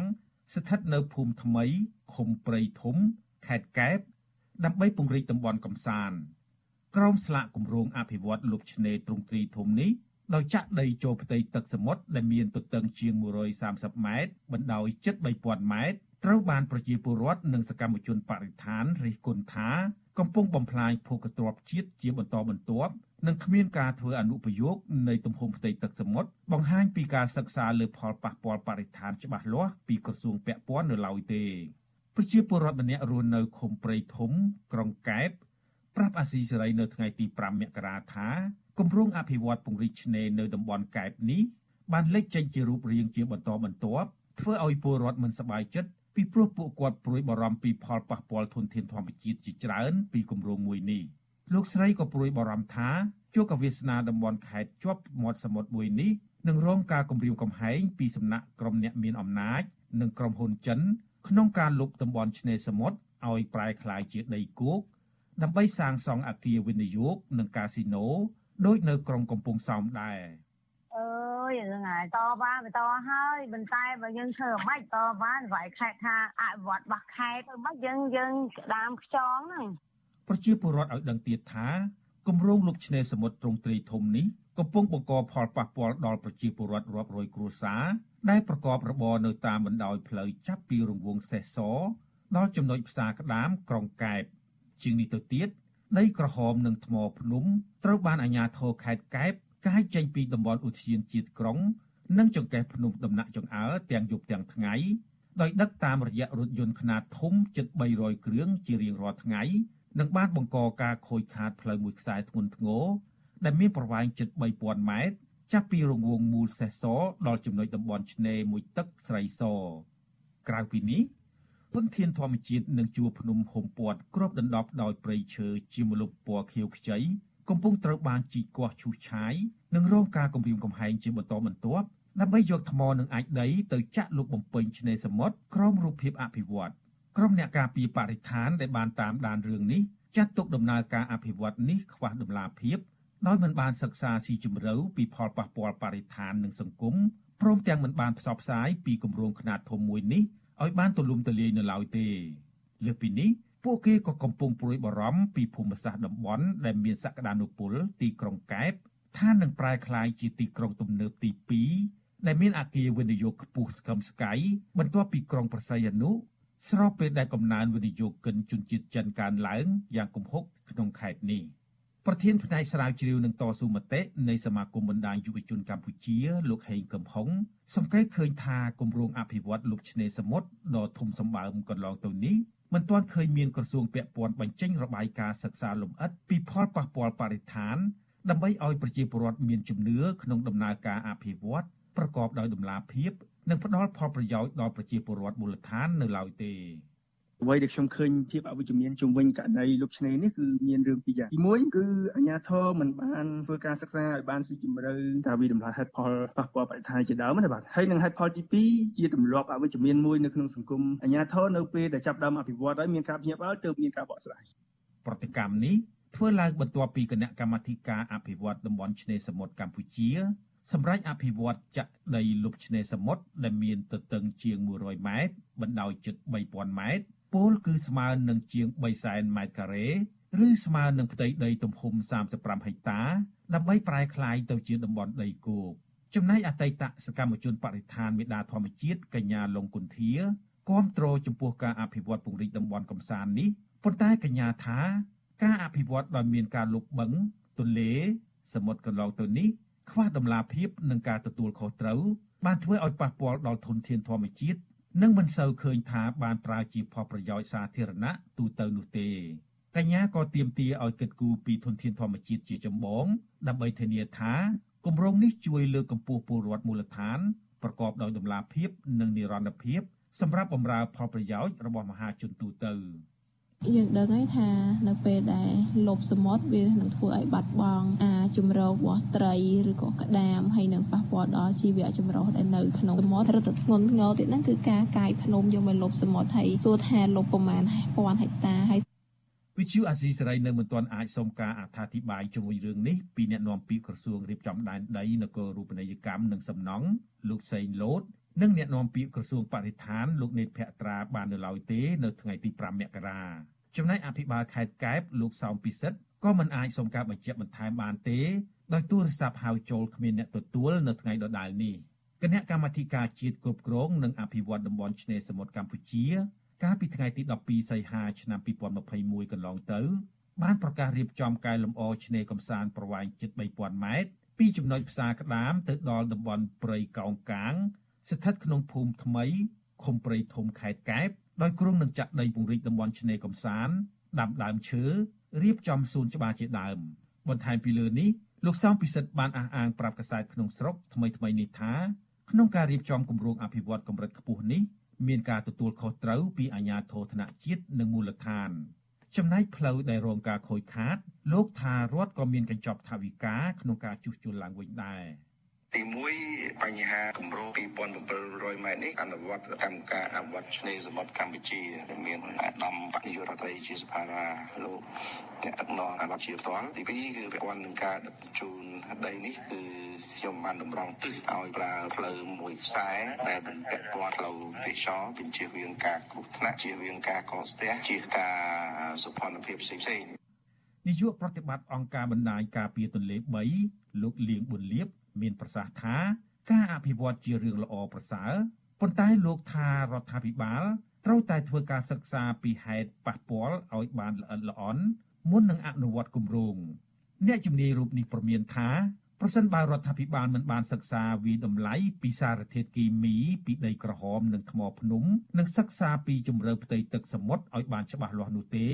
វានឹងធ្វើឲ្យប៉ះពាល់ដល់ប្រព័ន្ធអេកូឡូស៊ីធនធានជីវៈចម្រុះក្នុងទឹកសមុទ្រធ្ងន់ធ្ងរ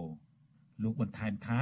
ផលប៉ះពាល់ខ្លាំងគឺចរន្តផ្ទៃទឹកបំរែបំរួលអាកាសធាតុមិនប្រក្រតីនិងការហិនហោចដល់ពពួកមច្ឆាដោយសាររងការបំពុលពីកាកសំណល់កខ្វក់និងសារធាតុគីមី។ ឧទាហរណ៍ដូចជាយើងចិញ្ចឹមត្រីស្ពងនៅតាមដៃទន្លេពេលភ្លៀងមកដោយការគាត់ចាក់ជុំថ្មហ្នឹងឯងអាសកម្មជុំថ្មអត់មានកន្លែងបោះចោលទេគាត់យកមកចាក់ផ្លូវនៅស្រុកសឹងហាវនោះណាធ្វើឲ្យទឹកភ្លៀងហូរចូលទៅក្នុងអាដៃ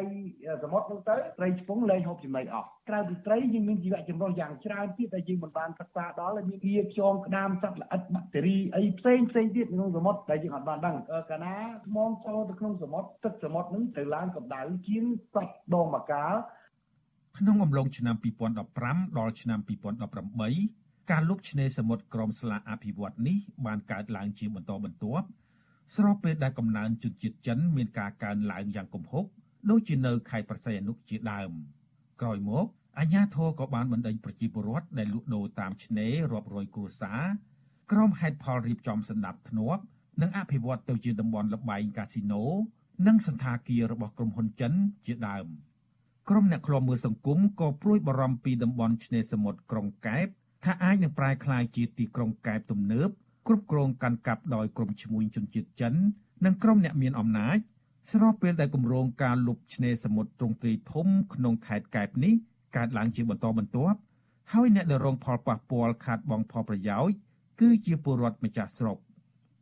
ខ្ញុំជីវិតាអាស៊ីសេរី